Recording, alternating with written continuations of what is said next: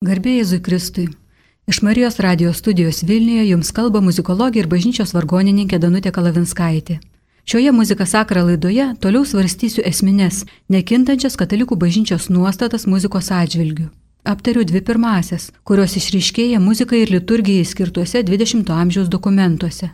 Pirma, kad bažnytinė muzika turi atitikti savo paskirtį ir antra, kad muzika turi būti šventa, meniška ir universali. Likusios nuostatos yra šios. Katalikų bažnytinės muzikos etalonu laikytinas grigališkasis choralas. Bažnyčios muzikams, tai yra kompozitoriams, vargonininkams, choro vadovams, gėdotojams ir instrumentalistams, keliami griežti moraliniai ir profesiniai reikalavimai. Pirmenybė teikiama vokaliniai muzikai ir katalikų bažnyčios liturgijoje muzikuoti leidžiama tik tai gyvai, natūraliai, netinka jokie muzikos įrašai ar transliacijos iš kitur.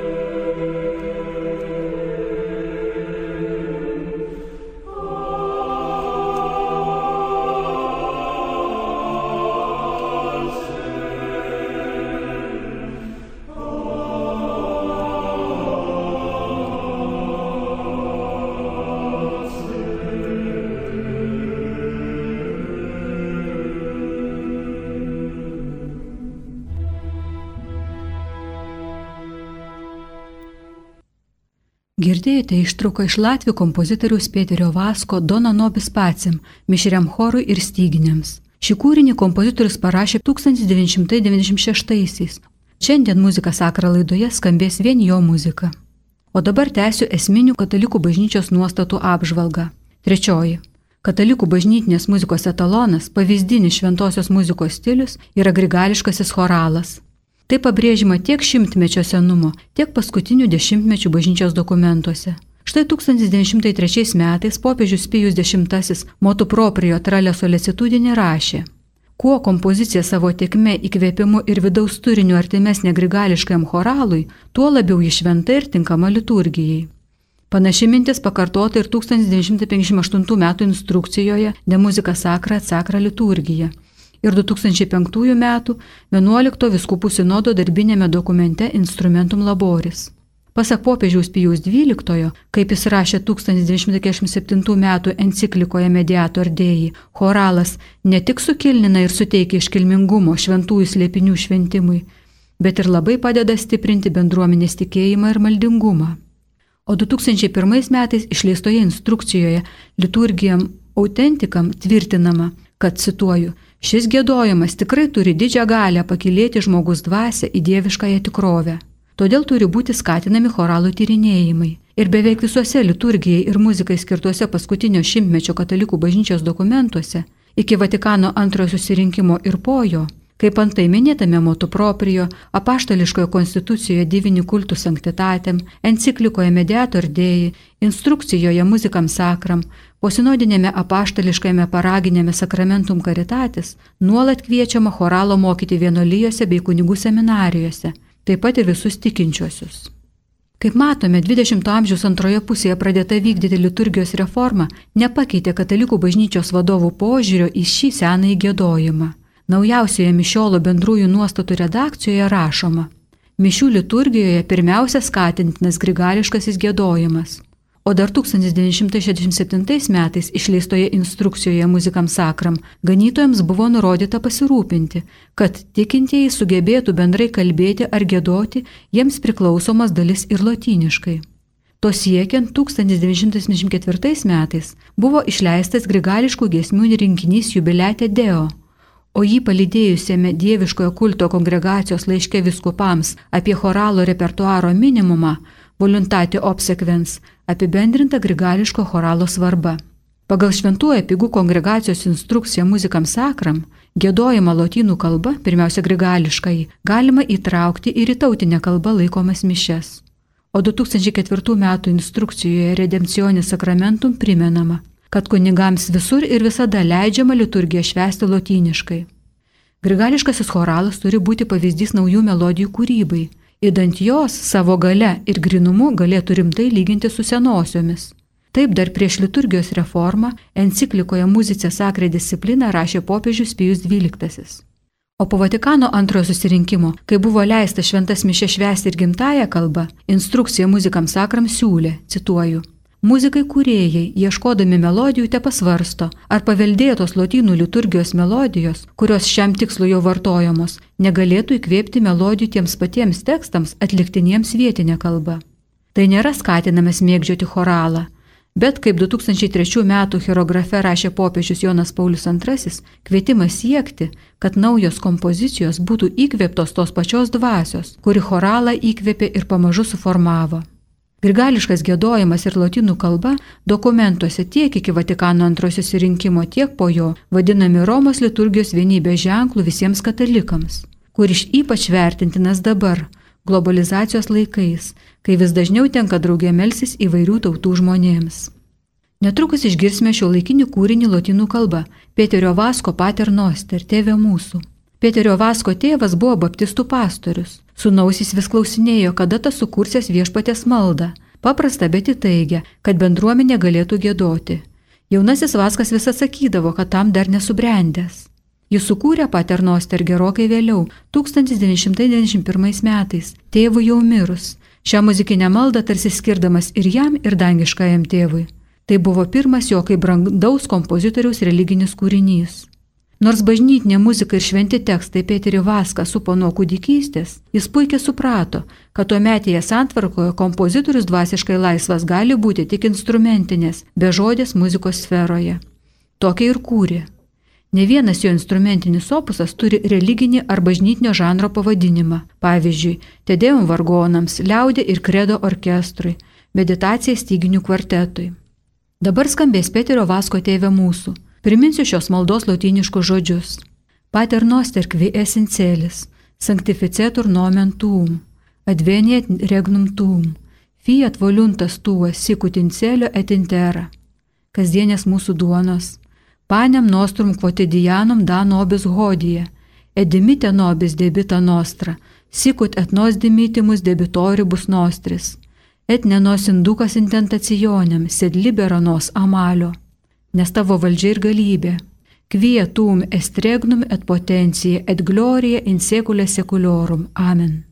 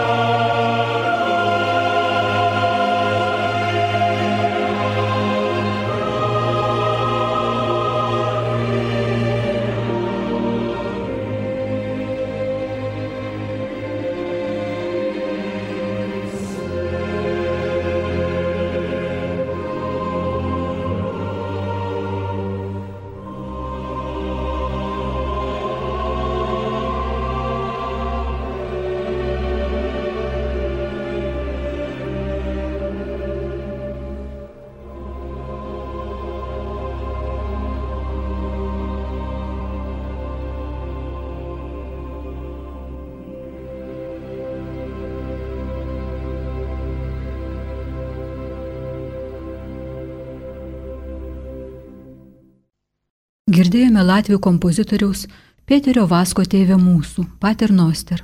Ketvirtoji katalikų bažnyčios paskutinio šimtmečio dokumentuose išriškėjanti nuostata yra ta, kad dalyvauti liturgijoje, kuriant muziką ar ją atliekant yra rimtas dvasinio brandumo reikalaujantis įsipareigojimas. Gėdojimas liturgijoje, tai ypač pabrėžima 20-ojo amžiaus pirmos pusės bažnyčios dokumentuose, laikomas liturginė tarnyba, kilniausių veiksmų ir pagalba bažnyčiai vykdant apaštališkąją misiją. Todėl muzikams keliami moraliniai reikalavimai. Kompozitoriai, choro vadovai, gėdotojai, vargonininkai ir kitais instrumentais grojantis muzikantai privalo būti dori krikščionys. Antai Pijaus 10-1903 m. motu proprijo nurodyta. Choristais gali būti tik dori ir pamaldus vyrai, verti tos tarnystės. Pijus XII 1955 metais enciklikoje Muzicė Sakre disciplina rašė. Menininkui, kuris tvirtai laikosi tikėjimu ir gyvena, kaip pridera krikščioniui, šventojo meno praktikavimas tampa tarytum tikėjimo išpažinimu ir Dievo garbinimu, o žmonės didžiai žadina bei uždega tikėjimą išpažinti ir pamaldumą praktikuoti. Kadangi maldingo gyvenimo požymis yra galėjimas priimti šventąją komuniją, nurodoma siekti, kad kiekvienas choro dalyvis galėtų dalyvauti mišiuose pilnai, tai yra priimdama sakramentinę komuniją. Citavau 1967 m. instrukciją muzikams sakram. Tas pats rūpestis matyti ir Romos mišiolo bendruosiuose nuostatuose. Moralės sferai galima priskirti ir pareigą deramai eikvoti savo talentus. Pavyzdžiui, popiežius Pijus XI 1928 metais ragino muzikuoti tinkamai, kaip nurodyta, dėmesingai, maldingai, vieningai, teisingų tonų. 20-ojo amžiaus vidury popiežius Pijus XII siūlė susilaikyti nekūrus muzikos, jei tam trūksta gabumų. O 2003 m. chirografe popiežius Jonas Paulius II kvietė sąmoningai paklusti nustatytoms normoms, cituoju. Muzikinė liturgijos pusė negali būti palikta atskirų asmenų improvizacijai ar savivaliai, bet turi būti vadovaujama ir kartojama pagal gero liturginio ugdymo suformuotas normas. Ne viename bažnyčios dokumente, jei yra galimybė pasirinkti, siūloma liturginė tarnybon kviesti gerus gėdotojus, kompetentingus muzikantus.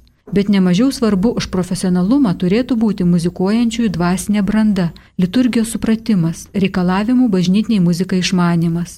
Kaip enciklikoje rašė popiežius Pijus XII, šventoji muzika ir liturgija yra glaudžiai susiję, todėl iš šventosios muzikos ir liturgijos mokymas negali būti atsėti vienas nuo kito. Akivaizdu, kad liturginė praktika Lietuvos katalikų bažnyčiose, ypač vadinamos jaunimo mišiuose, netitinka teorijos. Ir profesionalumą, ir dvasinę brandą ar gilų liturgijos supratimą juose dažniausiai pakeičia entuzijazmas, kuris bažnyčios dokumentuose minimas retai ir atsargiai. Reikalavimų muzikams ir muzikai sumenkimas po liturginės reformos paprastai siejamas su šventumo pajautos bažnyčioje silpnėjimu. Instrumentinės muzikos pertraukėlė. Ištrauka iš Pėterio Vasko kredo orkestrui.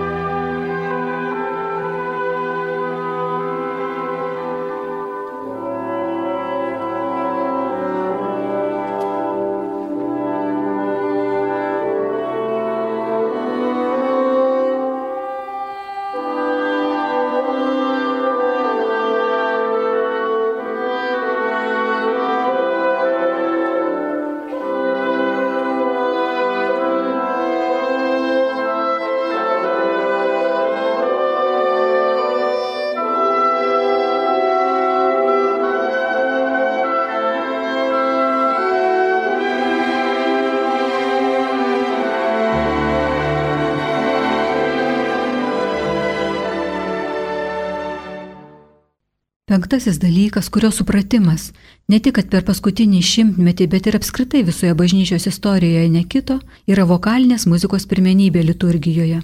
Tralė solicitudinė teigia, tikroji bažnyčios muzika yra vokalinė. Tai lemia kelios priežastys. Gėdoti sugeba dauguma žmonių. Bendra gesmė juos suvienyje. Žodžiais, kurių įtaigumą muzika sustiprina, galima aiškiai išreikšti tikėjimo tiesas, katechizuoti, Dievą garbinti, prašyti, atsiprašyti ir jam dėkoti. Skirtingai nuo bežodės instrumentinės muzikos, kuri visais laikais plačiai skambėjo ir pasaulietiniuose renginiuose. Kokią nuomenę apie mus gali susidaryti tie, kurie atvyksta iš šalių, kur instrumentai bažnyčiose nenaudojami, girdėdami juos bažnyčiose lygiai kaip ir teatruose ir kitose profaninėse vietose. Norime, kad jie negrįžtų į savo šalis pasipikrinę mūsų papročiais. Taip laiške Romos kardinolui Otorino Respigiui rašė popiežius Pijus X. Iš tiesų cituodamas popiežiaus Benedikto XIV mintis, kurias šis išsakė XVIII amžiaus vidury enciklikoje Anus Kvi. Bendruomeninis gėdojimas yra palaikomas visuose 20-ojo amžiaus bažnyčios dokumentuose. Štai 1928 metais apaštalinėje konstitucijoje Divinį kultų sanktitatėm popiežius Pijus XI rašė. Verčiau negu instrumentai bažnyčioje te būna girdimi balsai dvasininkų choro ir bendruomenės. Joks instrumentas, kad ir koks tobulas ir puikus būtų, negali pranokti žmogaus balso, išreiškiant žmogaus mintis, ypač melžiantis ir teikiant šlovę visagaliui Dievui.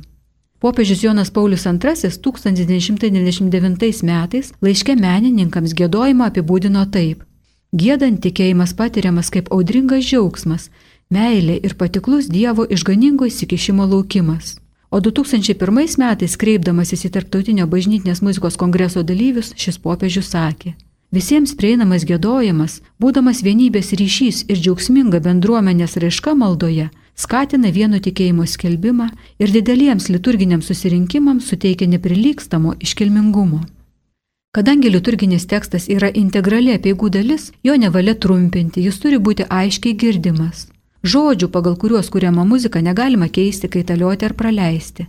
Kaip įsakoma Pijaus dešimtojo motų proprio, liturginis tekstas gėdotinas, nepakeičiant ar nesukeičiant vietomis žodžių, be perdėtų pakartojimų, neskiemenuojant ir visada taip, kad žodžiai būtų suprantami klausančių tikinčiųjų. Tai galioja ir polifoniniai muzikai, kur žodžiai turi būti aiškiai girdimi. Draudžiama praleisti kokį tekstą ar jo dalį, O jei ko nors neįmanoma sugėdoti, pavyzdžiui, trūksta gėdotojų, jie nesugeba ar gesmė labai ilga, reikia žodžius lygiai arba kokį nors psalmės tonų rečituoti. Taip nurodyta 1958 m. instrukcijoje De muzika sakra et sakra liturgija. Bažnyčios dokumentuose labai palaikomos holė kantorum ir kitokie chorai, kurių pareiga atstovauti susirinkusiųjų bendruomeniai ir nurodytais atvejais padėti jai gėdoti. O instrumentų skambesys nėra būtinas. Leidžiama gesmėms pritarti vargonais ar kitais instrumentais, tačiau jie neturi užgošti balsų taip, kad tekstai taptų sunkiai suprantami. Iki liturgijos reformos išleistuose dokumentuose taip pat draudžiama liturgiją muzikuoti be pertraukos. Tyla privaloma per konsekraciją. Tuo metu nevalia nei gėdoti, nei groti. Pamaldi tyla išlaikytina iki tėvę mūsų. Vargonai turi tylėti kunigui teikiant palaiminimą, įdant visi tikintieji jį išgirstų ir panašiai. O pasak instrukcijos de muzika sakra atsakra liturgija, jei koks vietinis paprotys vargonuoti per tylesias, tai yra negėdamas mišes, gali kliudyti dalyvauti tikintiesiems bendra malda ar giesmė, toks paprotys turi būti panaikintas. Bažnyčios instrukcijose po liturgijos reformos nurodoma, kad instrumentai turi tylėti celebruojančiam kunigui ar kitam patarnautojui, balsiai atliekant maldas ar giesmės, skaitant skaitinius. Vien instrumentinė muzika traktuojama kaip puošmena, todėl pirmiausia tinka iškilmingai liturgijai ir šventiniam laikui. Atgailos ir gedulo laikotarpiais per gavėnę, didįjį tridienį ir gedulinės pamaldas jį neleidžiama, o advento metu pagal Romos mišiolo bendruosius nuostatus naudotina santūriai, įdant atitiktų to laiko prigimti ir neužbėgtų už akių pilnatviškam viešpatės gimimo džiaugsmui.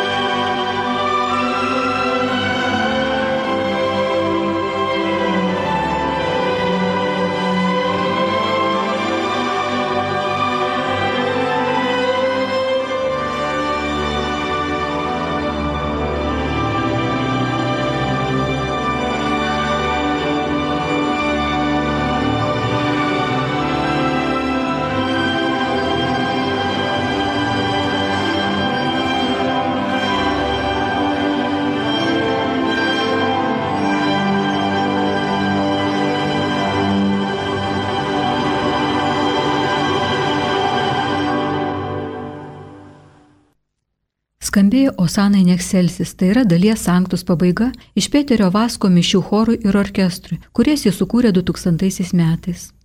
Na ir paskutinė iš mano rastų esminių katalikų bažnyčios nuostatų liturginės muzikos atžvilgių yra ta, kad apieigose turi muzikuoti tie, kurie juose dalyvauja. 20-ame amžiuje paplitus muzikos įrašymo ir perdavimo technikai bei elektroniniams instrumentams 1958 m. instrukcijoje De muzika sakra atsakra liturgija nurodyta, kad muzika bažnyčioje gali būti atliekama tik gyvai ir tik tradiciniais instrumentais. Liturgijoje nevalia naudoti mechaniškai ar automatiškai grojančių prietaisų.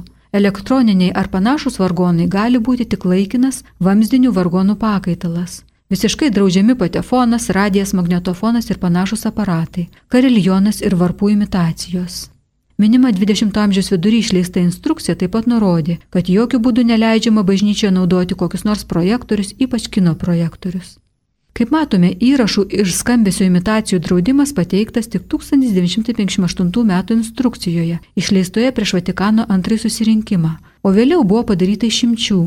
Štai 1973 metais paskelbtame vadovė mišioms su vaikais rašoma, kad specialiai vaikams skirtose mišiose, ypač atsargiai laikantis viskupų konferencijos nustatytų normų, kartais gali būti panaudoti muzikos įrašai. Taip pat atskirų sprendimų yra prieimusios atsakingos vietinių bažnyčių organizacijos. Pavyzdžiui, JAF viskupų liturginė komisija 1982 m. instrukcijoje Liturgical Music Today yra nurodžiusi, kad muzikos įrašai yra retkarčiais leidžiami ir sutaikinimo pamaldose. Taip pat bažnyčios apieigose leidžiama šiuolaikinės kompozicijos, kur įrašai yra panaudoti kaip muzikos dalis, derinant juos su gyvais balsais ar instrumentais. O Paryžiuje įsikūręs nacionalinis pastoracinės liturgijos centras 2005 metais yra parengęs gairės, kuriuose apmastomos sielovadai naudingo pasaulietinės bei instrumentinės muzikos, taip pat ir įrašų panaudojimo galimybės laidotuvių apieigose. Dabargi vėl pasiklausykime Pėterio Vasko muzikos, kuri nėra liturginė, bet ir nekoncertinė.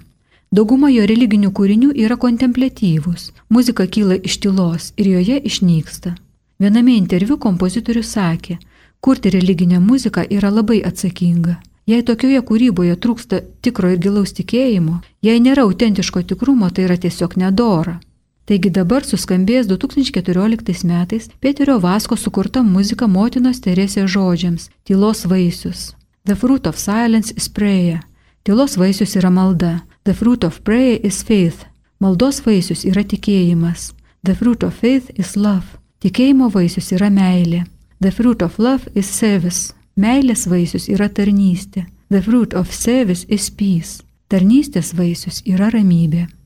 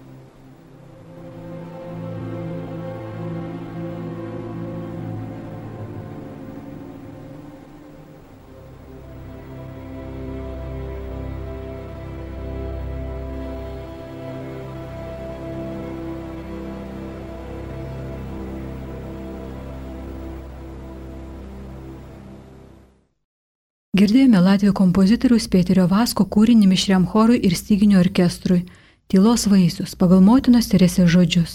Šiandienę muziką sakrą laidą parengė ir vedė muzikologė bažnyčios vargonininkė Danutė Kalavinskaitė, Lietuvos muzikos ir teatro akademijos dėstytoja. Sudėjau.